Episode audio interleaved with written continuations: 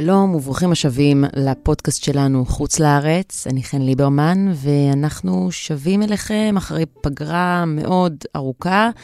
לא כך תכננו לחזור. בעיתוי הזה ובאווירה הזאת, ותהינו איך באמת אה, להתמודד עם המצב הנוכחי, כי בכל זאת אנחנו בפודקאסט הזה עוסקים במה שקורה בעולם, אבל אני מניחה שכל מיני פודקאסטים אה, מקבילים לחוץ לארץ בעולם עוסקים כרגע בנו, ונראה לי שגם לא יהיה ממש קשב לכל דבר אחר. יכולנו לדבר על המהפך בפולין, אבל נצטרך אה, לחכות בסבלנות אה, בשביל לעסוק בזה, כי... כי אנחנו רוצים גם לדבר על מה שקורה פה, אבל בכל זאת עם uh, זווית בינלאומית. לכן אנחנו נדבר על uh, דיני לחימה, על חוקי מלחמה, ואיתנו כאן פרופסור אליאב ליבליך מאוניברסיטת תל אביב, מומחה למשפט בינלאומי. שלום. שלום, שלום. איך אתה בכללי במצב הזה? כשלום המדינה, כמו שאמרה מי שאמרה. כן. אז, אז תראה, uh, אנחנו ננסה להשתמש אה, במלחמה שקורית עכשיו, כדי אה, להבין דברים ברמה העולמית, היסטורית. נקודת היציאה שלי היא הנאום של ביידן לפני שבוע וקצת, אה, נאום שהיה חסר תקדים ברמת התמיכה שלו בישראל. אנשים שעד לפני רגע חשבו שביידן הוא אויב ישראל, לא, לא ידעו מה לומר מול האמירות הכל כך מחבקות שלו וכל כך תומכות, אבל כן יש משפט שאני רוצה להתעכב עליו. הוא אמר, terrorists purposefully target civilians, kill them. We uphold the laws of war, the law of war. It matters. There's a difference. כלומר, הוא אומר, טרוריסטים מכוונים לפגוע באזרחים, אנחנו, וישראל כלומר, מכבדים את חוקי המלחמה, יש הבדל. מצד אחד זו אמירה שאומרת לאנשים שיש להם ביקורת על ישראל וחושבים שישראל הביאה על עצמה את הזוועות ואת המתקפות האכזריות האלה של חמאס, אה, שיש הבדל בין ישראל לחמאס, אבל זה גם מאותת לישראל שבמהלך המערכה שהיא נכנסת אליה, היא עדיין, למרות הזוועות שנעשו לה, תצטרך לכבד את חוקי הלחימה. אז נתחיל בשאלה כללית. מה זה בכלל חוקי מלחמה, כמה רחוק בהיסטוריה אנחנו צריכים בכלל ללכת כדי להבין איפה התחילו להתגבש חוקי מלחמה. אלמנטים של מה שאנחנו קוראים לו היום דיני מלחמה אפשר למצוא כבר בתקופת התנ"ך ולאחר מכן, כן? בכל התרבויות, אגב, התמודדו עם השאלה הזאת, ביהדות, בנצרות, באסלאם. כלומר, גם במצב של עימותים, תמיד ניסינו למצוא איזה שהם קודים משותפים. כן, בני אדם תמיד מנסים לחשוב על המותר והאסור אה, בכל היבטים, אז המלחמה היא פעילות אנושית מחרידה, אבל גם היא תמיד הייתה כפופה למחשבות האלה ולחשיבה גם בדת, גם בפילוסופיה.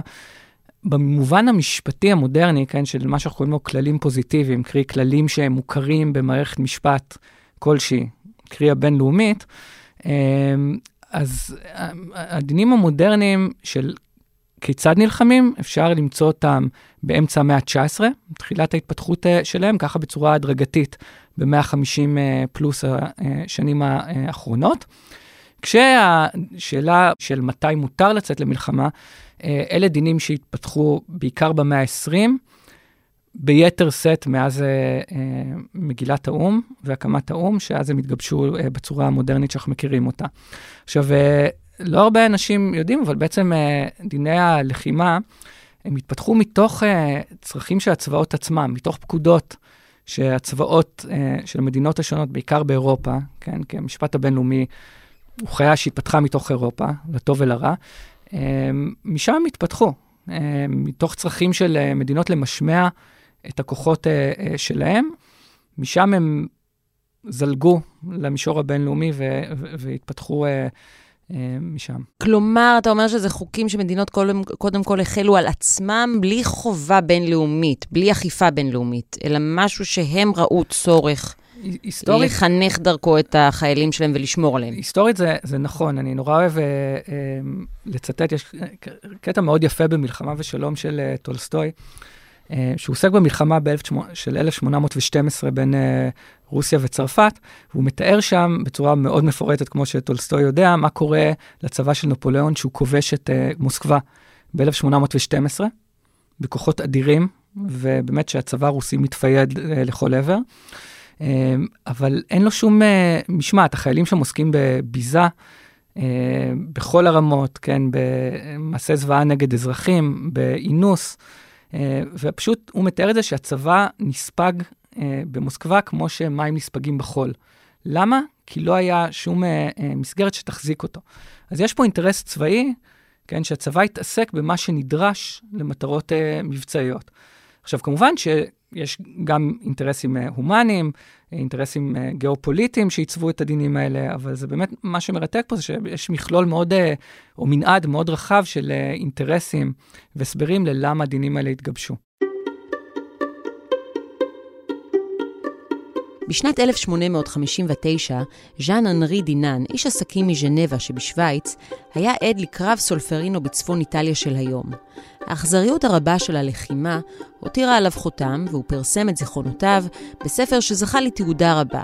הספר היה השראה להקמת הצלב האדום ולאמנת ז'נבה הראשונה, שנחתמה ב-1864, ושעוסקת בטיפול ובהגנה על פצועים וחולים בשדה הקרב.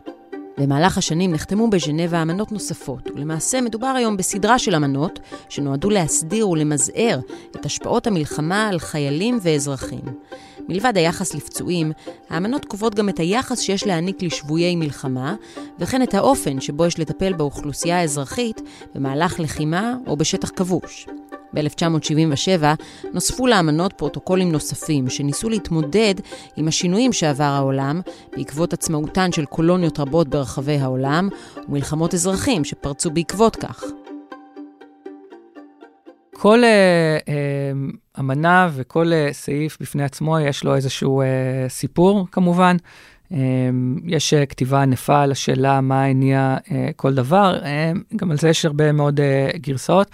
אחת מהגרסאות היותר מקובלות זה שמה שהניע את uh, הצורך לגבש את הדינים האלה זה דת קהל שהתפתחה בעיקר באירופה, אחרי שהמלחמה התחילה לעבור תיעוש מאוד משמעותי, כן, ומדינות אירופה התחילו גם לקבוע גיוסי uh, חובה.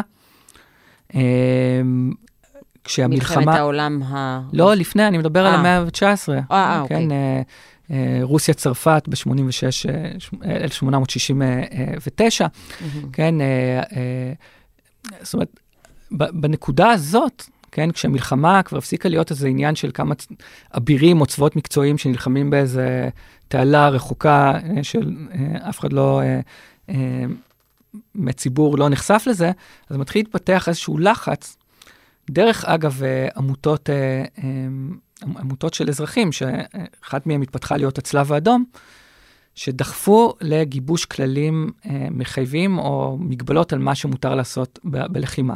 אז זה מתחיל ככה במאה ה-19. אז אם אני מבינה נכון, זה כשהמלחמה התחילה אה, להגיע לאזורים שיש בהם יותר ריכוז של אוכלוסייה אזרחית. גם שהגיעה ו... לאזורים שיש בהם יותר ריכוז של אוכלוסייה אזרחית, אבל גם שהתחילה להשפיע על רבדים יותר רחבים של החברה, בין היתר בגלל תיעוש שלה וגיוסים המוניים של אה, אה, אנשים. כמובן... כלומר, החיילים הגיעו מיותר אה, מקומות בחברה, וזה השפיע על יותר אנשים. למשל, אז זה אה, אה, תהליך אחד. אה, תהליך נוסף זה איזושהי תגובה למעשי זוועה היסטוריים, כן? אז ראינו אה, שינוי משמעותי של דיני הלחימה אחרי מלחמת העולם השנייה. בגלל הזוועות של המלחמה הזאת. כן, ראינו אחרי זה שוב פעם מהלך כזה בשנות ה-70 במהלך הדקולוניזציה, כן, ואיזשהו צורך לתת מענה לסוגיות שעלו אז. אז זה בדרך כלל ריאקטיבי לתהליכים היסטוריים, וכמובן, יש כאן גם אינטרסים של מדינות בכל נקודת זמן לדחוף את האג'נדות שלהן. אז דיברנו על התגבשות חוקי המלחמה, ואני רוצה לשאול מה קורה אם מפרים את חוקי המלחמה. דבר ראשון, כן, שמדינות מפרות, או כל גורם מדיני הלחימה, זה פוגע בלגיטימציה שלהן ובמוניטין שלהן. הדבר הזה יכול להוביל, בטווח קצר או ארוך, כן, לפעמים זה תהליכים שלוקחים זמן, גם בפגיעה בחופש הפעולה שלהן. כי אם דעת הקהל uh, מתעצבת במקומות uh, שחשובים לאותן מדינות, שאותן מדינות הן מפרות את דיני הלחימה, זה יכול ליצור לחץ על ממשלות אחרות uh, ללחוץ עליהן, לא לסייע להן uh, וכיוצא בזה. אוקיי, זאת אומרת, למשל, אם uh, תעלה טענה, כשישראל מפירה דיני הלחימה, למשל בעימות הנוכחי, זה יכול להוביל ללחץ משמעותי של דעת קהל במדינות אירופה, או אפילו בארצות הברית, כן? uh, לצמצם את הסיוע או את הגיבוי שהן נותנות, כן? אז זה במישור ה- ה- המקרו. בעידן שבו דעת קהל בעצם מתעצבת דרך גם רשתות חברתיות והרבה פייק ניוז, ואנחנו רואים שאפילו אחרי כל מה שחמאס עשה, עדיין יש דעת קהל שהיא בעד חמאס, כשהוא זה שלגמרי ביצע פה פשעי מלחמה, אז, אה, אז עד כמה אנחנו יכולים אה, לאפשר לדעת הקהל להיות זאת שמנווטת את הלגיטימציה? אוקיי, okay, זאת שאלה מצוינת. אני חושב ש, שהשאלה, מה החשיבות של דעת הקהל בעידן נוכחי, שהוא מאופיין בעיניי בהיעדר בושה, זו שאלה מאוד uh, לגיטימית, ו- ואם לדעת הקהל אין השפעה, אז, אז אין, אין ספק שזה מוריד uh, uh, משמעותית את היכולת של, uh, של הדינים האלה לעשות uh, הבדל, to matter, אין ספק. Uh, לצד זאת, כן, לצד זאת יכולות להיות גם uh, משמעויות לפרטים, כן? Uh, יש סיטואציות שבהן הפרות של דיני הלחימה גם uh, יכולות להקים אחריות פלילית אישית. ואז אנחנו כן יכולים להגיע לאיזושהי אכיפה ברורה שהיא לא רק עניין של לגיטימציה ואיך אנחנו פועלים, אולי במישורים כלכליים של סנקציות נגד מדינה כזו או אחרת, אלא ממש אכיפה ורדיפה והעמדה לדין של פושעי מלחמה. בסדר, לפני זה, זאת אומרת, כשאני אומר לגיטימציה, זה לא רק שעכשיו יהיה הפגנות של כמה אנשים, כן? זה יכול להוביל גם אה, לסירוב אה, למכור נשק, כן? זה יכול להוביל גם למהלכים אה, בארגונים בינלאומיים, כן? זאת אומרת, לא בכדי ישראל ומדינות אחרות אה, משקיעות הרבה מאוד מאמצים בלהראות שהן לא מפרות את הדינים האלה, בגלל שיש לזה השלכות לגבי התפיסה של אותה אה, מדינה. אבל במישור, אה, את הזכרת את בית הדין הפלילי בהאג, אם יש אה, הפרה, אה, עבירה פלילית בינלאומית, אז אה, יכולות להיות סיטואציות שתהיה סמכות שיפוט לבית הדין הפלילי בהאג. כן, אפשר לדבר יותר ספציפית באזורנו בהמשך, אבל גם אנשים יכולים להיות חשופים להליכים פליליים במדינות אחרות, מה שנקרא סמכות אוניברסלית.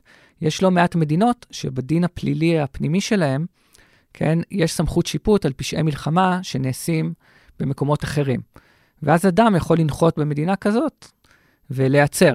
זאת אומרת, זו אה, אפשרות אה, שהיא קיימת. אני יודע שבמשרד המשפטים הישראלי, למשל, יש אה, יחידות או אה, אגפים שעוסקים בשאלות מהסוג הזה.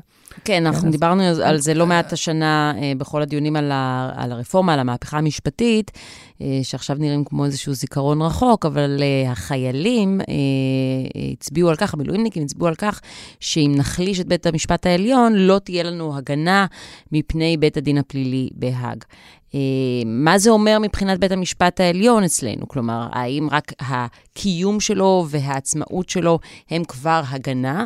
או שהוא חייב גם כל הזמן לוודא שאנחנו אכן לא מבצעים פשעי מלחמה. אז, אז זאת אה, גם כן אה, שאלה שצריך לפרוט אותה לכל מיני תתי שאלות, אבל בגדול, גם מבחינת סמכות בית הדין הפלילי בהאג, גם מבחינת סמכות שמדינות אחרות עלולות או עשויות להפעיל, כן, בדרך כלל ניתנת למדינת הזיקה, כן, המדינה, לצורך העניין של, שאדם המדובר הוא אזרח שלה, כן, ניתנת לה הזדמנות לחקור ולהעמיד לדין בעצמה, כן?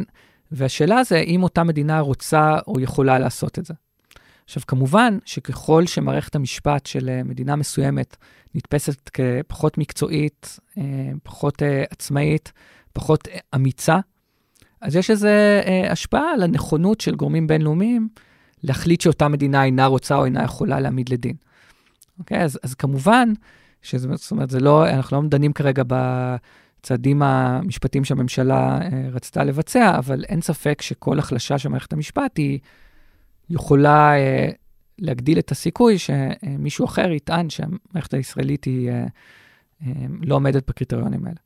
אני שומעת uh, מאז ההתקפה הנורית של חמאס uh, הרבה דיונים, גם ברשתות הזרות, על כך, uh, על, על עקרון המידתיות, והמילה פרופורציה uh, עולה בשיח.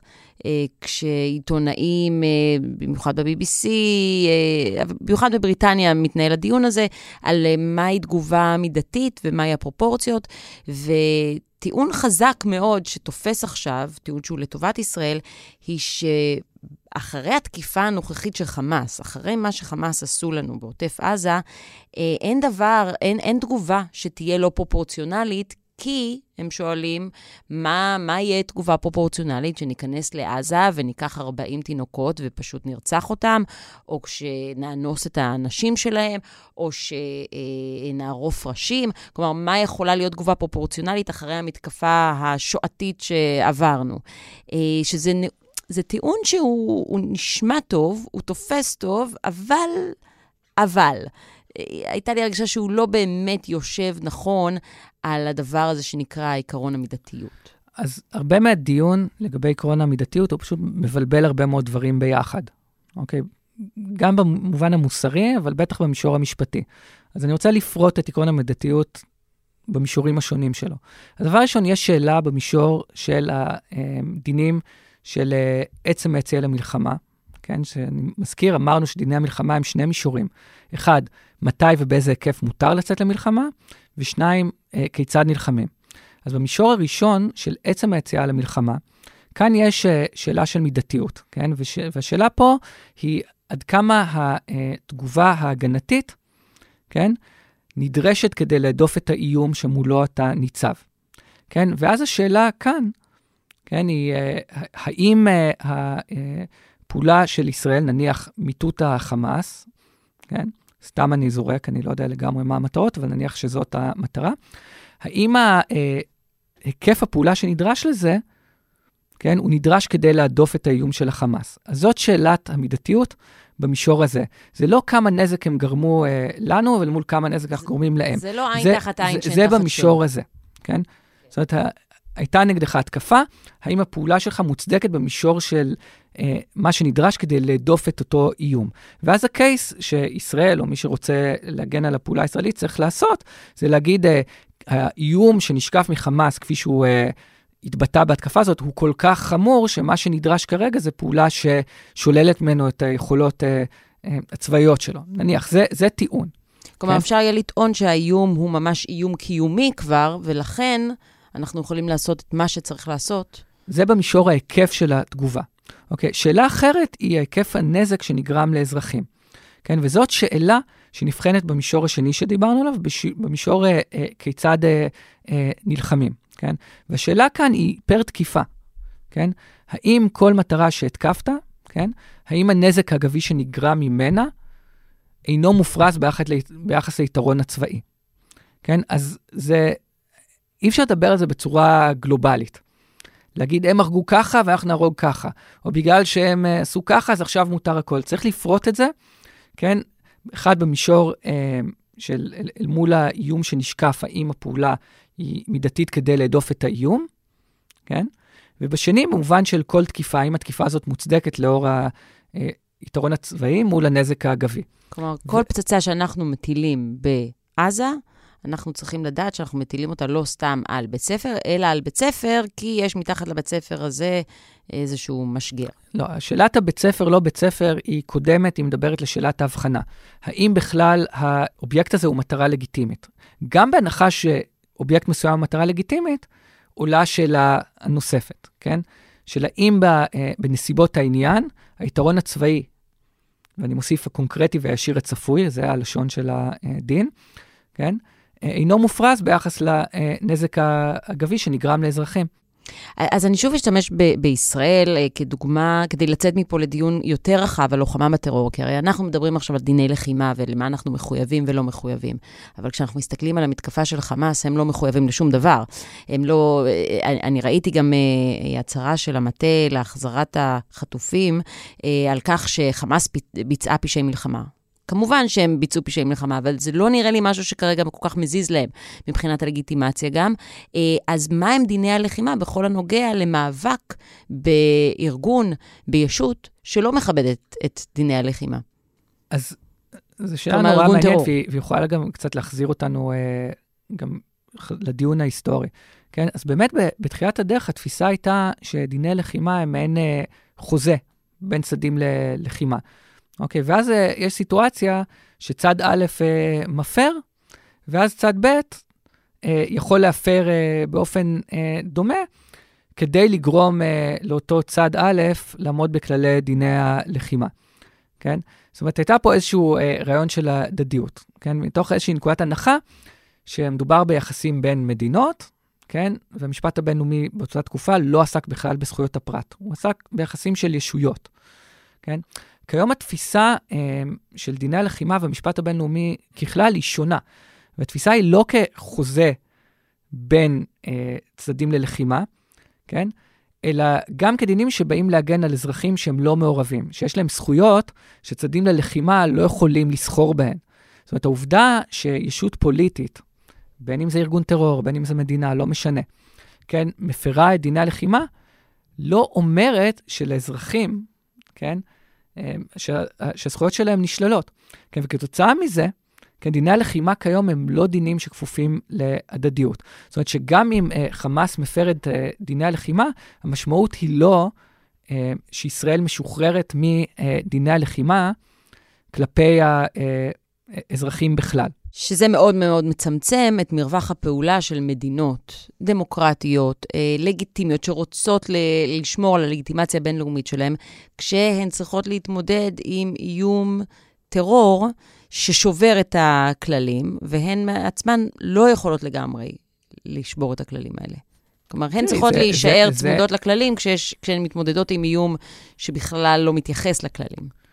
אז דבר ראשון, אה, הכללים אה, הם אולי פחות אה, מצמצמים ממה שיש שרוצים לומר, כן? זה צריך להבין.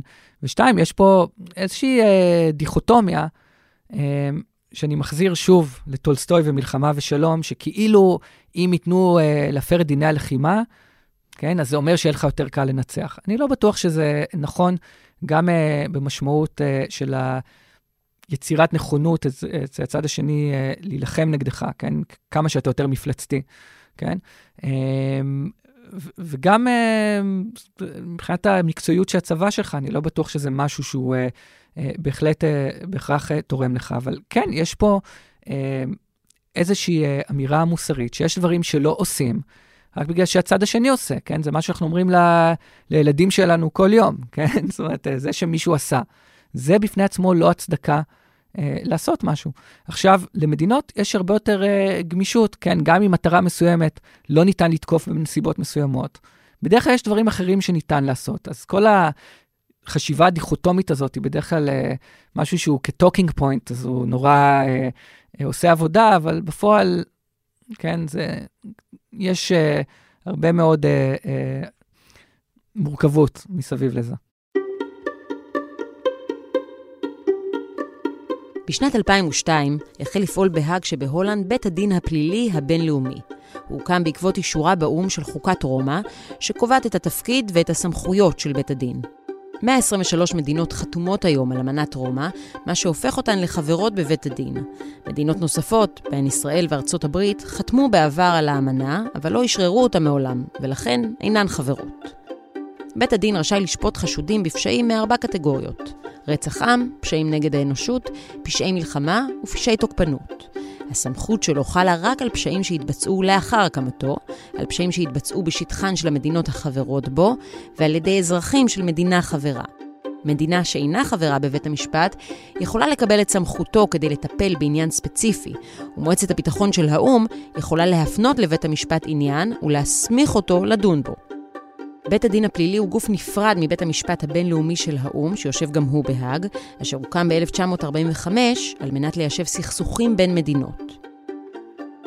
בתקופת המלחמה הקרה, התקשו מדינות העולם להגיע להסכמה על הקמת בית הדין הפלילי, ופשעים נגד האנושות נידונו לפעמים בבתי משפט שהוקמו במיוחד לצורך כך, כמו בית הדין ליוגוסלביה לשעבר, ובית הדין לרצח העם ברואנדה. עד היום הובאו 31 מקרים בפני בית המשפט, שבחלקם היו נאשמים מרובים.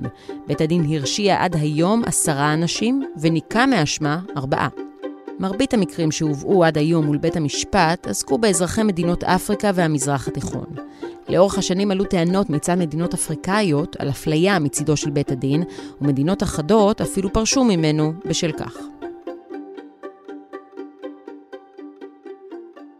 אז יש היסטוריה ויש דין ויש חוק, אבל נדמה שהחוק הזה לא חל על כולם באותה מידה, ומה שמותר לרוסיה אסור לישראל, מה שמותר לארצות הברית אסור למדינות אחרות. תראי, בכל עולם משפטי שאפשר לחשוב עליו, זה עדיף להיות חזק מאשר uh, חלש. כן, גם במערכת המשפט הפנימית, כן? מה הכוחות של עכשיו מישהו שמפונה מאיזה דיור ציבורי מול בנק או מול רשית, רשות ציבורית. כן, הפערי הכוחות האלה הם תמיד קיימים, הם כמובן קיימים גם במערכת הבינלאומית.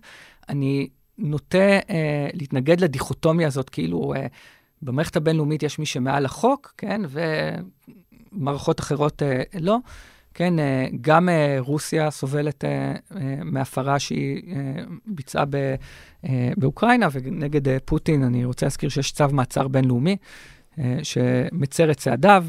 אז כמובן, בלי לעשות אידיאליזציית יתר, אני גם לא רוצה לעשות את ההפך. תראה, אני רוצה להגיד שמבחינה פורמלית, כל המדינות מחויבות באותם דינים. כמובן, כן, שכוח, וזה עניין אוניברסלי למשפט, כן, מקנה לך יותר יכולת לעקוף את הדין.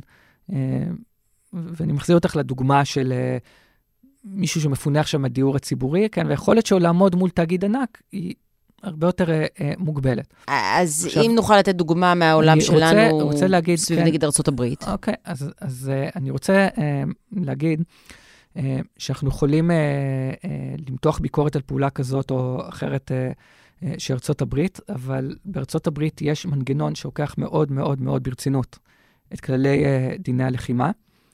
כן, ובניגוד למה שהרבה פעמים נאמר, תראו מה הם עושים באפגניסטן, יש שם אה, מנגנון, שוב, אני אישית לא תמיד מסכים עם כל הפרשנויות שלו, כן, אבל ביידן לא סתם דיבר. כן, יש שם ייעוץ משפטי מאוד נרחב, כן, שהוא קיים. Having said that, ברור שיש uh, הרבה פחות uh, uh, כוח, כן, להפעיל לחץ על ארה"ב בגלל הגודל והעוצמה שלה, כן? אבל, כמובן, כשארה"ב מואשמת uh, uh, uh, בהפרות כלשהן, למשל, uh, האשמה לגבי הפלישה בעיראק ב-2003. אז כן, הדבר הזה פוגע במעמד שלה אה, בדעת הקהל במקומות אה, שונים. כן, אם את הולכת לאמריקה הלטינית היום, ואת שואלת אה, מה עמדתם לגבי ארצות הברית, כן, אז יש להם אה, קטלוג של אה, אה טענות, שגם כן מצר את היכולת של ארצות הברית לקדם את האג'נדה שלה אה, במדינות האלה. אז, אז שוב, זו שאלה... כן, נראה לי שבפרק אה, אה, שקדם לפגרה דיברנו על 50 שנה להפיכה הצבאית בצ'ילה. אז, אה, אז מבחינתם קיסינג'ר הוא פושע מלחמה. למשל. אז זו שאלה שהיא שוב מאוד מורכבת ומרובת רבדים. אני כן אגיד שיש דה פקטו יותר ציפייה ממדינות דמוקרטיות להתנהל ככה. זאת אומרת, אתה לא יכול לטעון, אני מי שטוען דמוקרטיה היחידה, או במקום אחר אני שייך לגוש המדינות הדמוקרטיות, וליהנות מלגיטימציה כתוצאה מכך, ואז לא לצפות שידרשו ממך לעמוד בסטנדרטים אה, שמצופים ממדינה אה, דמוקרטית. כן, אז אם אתה אה, נתפס כ... מה שנקרא רוג סטייט, כן, או מדינה שהיא מחוץ לספירה, כמו למשל סוריה של אסד, כן, אז אתה סובל מהרבה מאוד uh, דברים. אז אוקיי, אתה נהנה מזה שאף אחד לא מצפה ממך לכלום, אם זה איזשהו משהו שמישהו צריך לשאוף אליו, אני לא יודע, כן? אה, אנחנו יודעים איך, אה, למשל, הציבור הישראלי מאוד רגיש לחרמות כאלה ואחרות, להאשמות כאלה ואחרות. זה באמת, אה, חלק מזה נובע מאיזשהו רצון של אנשים לחשוב שהמדינה שלהם היא באמת, באמת טובה, כן? אני לא אומר את זה בציניות, כן? אז, אז, אז באמת, מי שרוצה להיות שייך למועדון הזה, לא יכול אמ, להעלות טענות כאלה ולצפות שלא יהיה לזה השלכות. ועכשיו אה, פנינו לעתיד. אה, איפה, אה, איך הדין הבינלאומי של דיני לחימה מתעצב עם השינויים הטכנולוגיים? שנכנסים לתוך שיבוש צבאי. אנחנו רואים, אנחנו יכולים לראות את זה עכשיו עם המל"טים ונשק אוטונומי, אבל גם בעתיד גם תהיה בינה מלאכותית, שימוש בבינה מלאכותית. האם הדין הבינלאומי כבר רואה רואה את הבאות ומתעצב לפי זה? אז התשובה היא לא. המשפט תמיד מפגר אחרי הטכנולוגיה. הטכנולוגיה, הטכנולוגיה מתפתחת, בטח בעשורים האחרונים, בקצב הרבה יותר מהיר מהמשפט. ומה שנעשה, רוב המאמץ שנעשה הוא לנסות uh, להכיל על uh, טכנולוגיה uh, חדשנית את העקרונות uh, הקיימים. והרבה פעמים זה עובד. למשל, בכל מה שקשור למל"טים, אני לא חושב שמל"טים uh, דורשים התייחסות uh, פיתוח דינים חדשים, אבל מצד שני יש תחומים כמו נשק אוטונומי שהתייחס אליו, שזה נשק שבוחר מטרות וגם מחליט אם לתקוף אותן, ודיני הלחימה אמורים להיות מוטמעים בתכנות שלו ובלמידה שלו, כן? או פעולות סייבר, כן? שגם הן לא ברור באיזה מידה הם בכלל מהווים התקפה, מתי הם מהווים התקפה, איך הן כפופות להגנה, לעיקרון ההבחנה ובאיזה אופן, כן? ויש כל הזמן איזשהו ניסיון, כן, של המשפט לרוץ אחרי זה ולנסות אה, אה, להתמודד עם זה. עכשיו, מה שמאוד מקשה, זה שכיום קשה מאוד למדינות, בעצם to get together, להתכנס ולהחליט על כללים כאלה, בגלל הקיטוב הפוליטי העצום בעולם כיום. ובגלל שהטכנולוגיות האלה זה לא דבר שאתה רוצה לחשוף אה, גם בפני זה. מדינות אחרות. כלומר, זה הרבה יותר, אה, יש מכנה, המכנה פחות משותף מבעבר, מבחינת האמצעים הטכנולוגיים. נכון, גם, אה, גם שיקולים של אינטרסים, גם שיקולים של, אה, אה, של פיגור אחרי הטכנולוגיה, גם שיקולים של חוסר יכולת להסכים כרגע, כן, בטח עם המשבר הקיטוב הבינלאומי המחודש בין המערב ורוסיה וסין. אבל אני רוצה להגיד עוד משהו, יש גם, אני חושב, איזשהו, אה, איזשהו אה, צרות מבט ב, בדבר הזה. יש מדינות אה, מתקדמות טכנולוגית שלא רוצות להסדיר את השימוש ואת הפיתוח של אמצעים טכנולוגיים כאלה, כמו כלי נשק אוטונומיים, בעבר כמו מל"טים וכמו סייבר, מתוך איזושהי הנחה שהיתרון הטכנולוגי שלהם הוא משהו קבוע. כן, אני, בגלל שיש לי את היכולת לפתח עכשיו את הדבר הזה, אני רוצה לפתח אותו, שלא יפריעו לי, כן? והצד השני הוא ייתקע, כן? אבל אני חושב שגם האירועים האחרונים מראים שכל פיתוח טכנולוגי שמתחיל מהמדינות הכי מתקדמות טכנולוגית, תוך כמה שנים הוא הופך למשהו אה, גם הרבה יותר זול, וגם הרבה, בשימוש הרבה יותר נרחב, והוא מגיע בסוף לידיים האלה. אז, אה, אמ, אז, אז אותם יתרונות מבצעים של, אה, אה, של המדינות היו קורה, פעם. זה קורה גם עם האטום. גם עם האטום, כן, האטום הוא הרבה יותר מורכב מעכשיו לקנות, להזמין מל"טים מאלי אקספרס, ואחרי זה לשלוח אותם בהמוניהם ולהפציץ משהו. כן? כן. אז, אבל גם זה שיקול אסטרטגי שצריך להביא uh, בחשבון כשמפתחים נשק וחושבים על הכללים uh, שחלים עליו. וזה, אני חושב, uh, משהו שהמדינות החזקות לא עושות מספיק היום. אבל בכל זאת, המל"טים, והמל"טים כבר בשימוש זמן מה, יש איזה שהם חוקים שאתה יכול אה, לתת כדוגמה שהתעצבו בגלל המל"טים? אז בהתחלה ניסיון אה, לקדם חוקים כאלה, אני לא חושב שזה באמת משכנע. הם לא באמת מעלים אתגרים אה, משמעותיים מבחינה אה, משפטית, מבצעית ודאי שמעלים. כן, ודאי שהעובדה שהכלי נשק הזה קיים ומותר, אז אחרי זה הוא גם קיים ומותר בידיים שאנחנו לא היינו רוצים שהם יהיו שם. אבל היום, כשחושבים למשל על כלי נשק אוטונומיים, זה מעלה אתגרים באמת אמיתיים.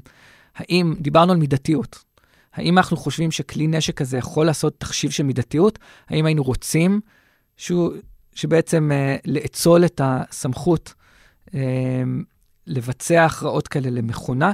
האם אנחנו סומכים על מכונה כזאת שהיא תדע להבחין בין אזרח ולוחם בכל uh, uh, סיטואציה? מי אחראי אם הדבר הזה מפשל? כן, לפחות uh, מי אידיאלית. מי ייקח אחריות? כן, לא, אבל זו שאלה טובה, כן? הקצין ששולח את זה, הוא אין לו מושג איך הדבר הזה עובד. החברה שתכנתה, תגיד, אנחנו מאוד מרוחקים מהעניין הזה, וגם יש פה גם אלמנט של, של למידה מלאכותית, כן? שאי אפשר באמת לחזות מה הדברים האלה יעשו. זה יגידו גם המפתחים. כן, אז אנחנו יכולים לחשוב בעתיד על צבאות של הדברים האלה, שאף אחד באמת לא, קשה מאוד יהיה לייחס אחריות, אה, בטח פלילית, לפעולות שלהם. אז כאן יש באמת סוגיות. אבל שוב, אתה אומר, זה סוגיות שאפשר לדון בהן ברמה האקדמית, אבל מבחינת ניסוח החוקים, זה יקרה רק לאחר יד. אז, אז יש הרבה גורמים בחברה האזרחית שאומרים, בגלל הדברים האלה, אנחנו חייבים לאסור על הדבר הזה כבר עכשיו. כי ברגע שזה יתפתח, לא היה לנו יכולת לעצור את זה. אמ, יש קשב לקולות האלה? אז, אז יש uh, uh, קשב, שוב אנחנו חוזרים לדעת קהל, במובן זה שבאמת uh, גורמי החברה האזרחית הצליחו uh, לרתום כל מיני מדינות, כן, שידרשו איזשהו תהליך של הסדרה. באמת קיים תהליך כזה בז'נבה, במוסדות האו"ם שם, של ניסיון להסדיר, כן? אבל המדינות הטכנולוגיות אומרות, אנחנו לא מוכנות לאסור על שום פיתוח מהסוג הזה, אנחנו כן יכול, מוכנות לדון על איזשהם עקרונות, עקרונות יסוד בשימוש שלהם. ועקרונות יסוד שמדינות כמו ארה"ב, אה, ישראל ואחרות אה, מוכנות להכיר בהם, עקרונות יסוד מאוד מתירניים, שבעצם לא יעצרו את היכולת אה, לפתח את זה. ואז באמת אנחנו צריכים לחשוב, כן, אני אה, לא רוצה להכריע בסוגיה הזאת כרגע, אבל מה יקרה שדברים כאלה גם ייפלו לידיים אחרות, ואנחנו יודעים שהדבר הזה בסוף יקרה. וכשאנחנו חושבים רגע על ניסוח החוקים, בסוף, אה, כמו שהזכרת, הכיתוב המדיני הנוכחי, הכיתוב הרב-קוטבי, אה, עד כמה הוא יקשה על ניסוח אה, חוקים הוא חדשים. מאוד, הוא מאוד מקשה. באופן כללי, וגם בפרט בסוגיות של דיני לחימה. אז מה שקורה, לתוך הוואקום הזה נכנסים גורמים כמו הצלב האדום, גורמים כמו אה, ארגוני החברה האזרחית, אקדמאים, כן, שמנסים ליצור איזשהו אה, לחץ כן, של uh, uh, קידום איזשהן נורמות שאולי ככה בצורה הדרגתית יאומצו ויהפכו למשפט מנהגי. אז זה מה שאנחנו רואים כתוצאה מה, מהכיתוב הזה. כן, אז זה מאוד מעניין איך התהליך החברתי שבו הנורמות של המשפט הבינלאומי מתעצבות. זהו, אז, אז שאלה לסיכום, עד כמה באמת דיני המלחמה הצליחו לאורך השנים אה, לרסן, קצת לצמצם את, ה, את הסבל וההרס שמלחמות יוצרות? אז אני חושב שזאת שאלה אמפירית שאי אפשר לענות עליה בצורה של אה, אה, תשובה כוללנית. כי, כי במיוחד ש... אחרי השבוע הזה, כלומר, מי חשב שנראה מראות כאלה?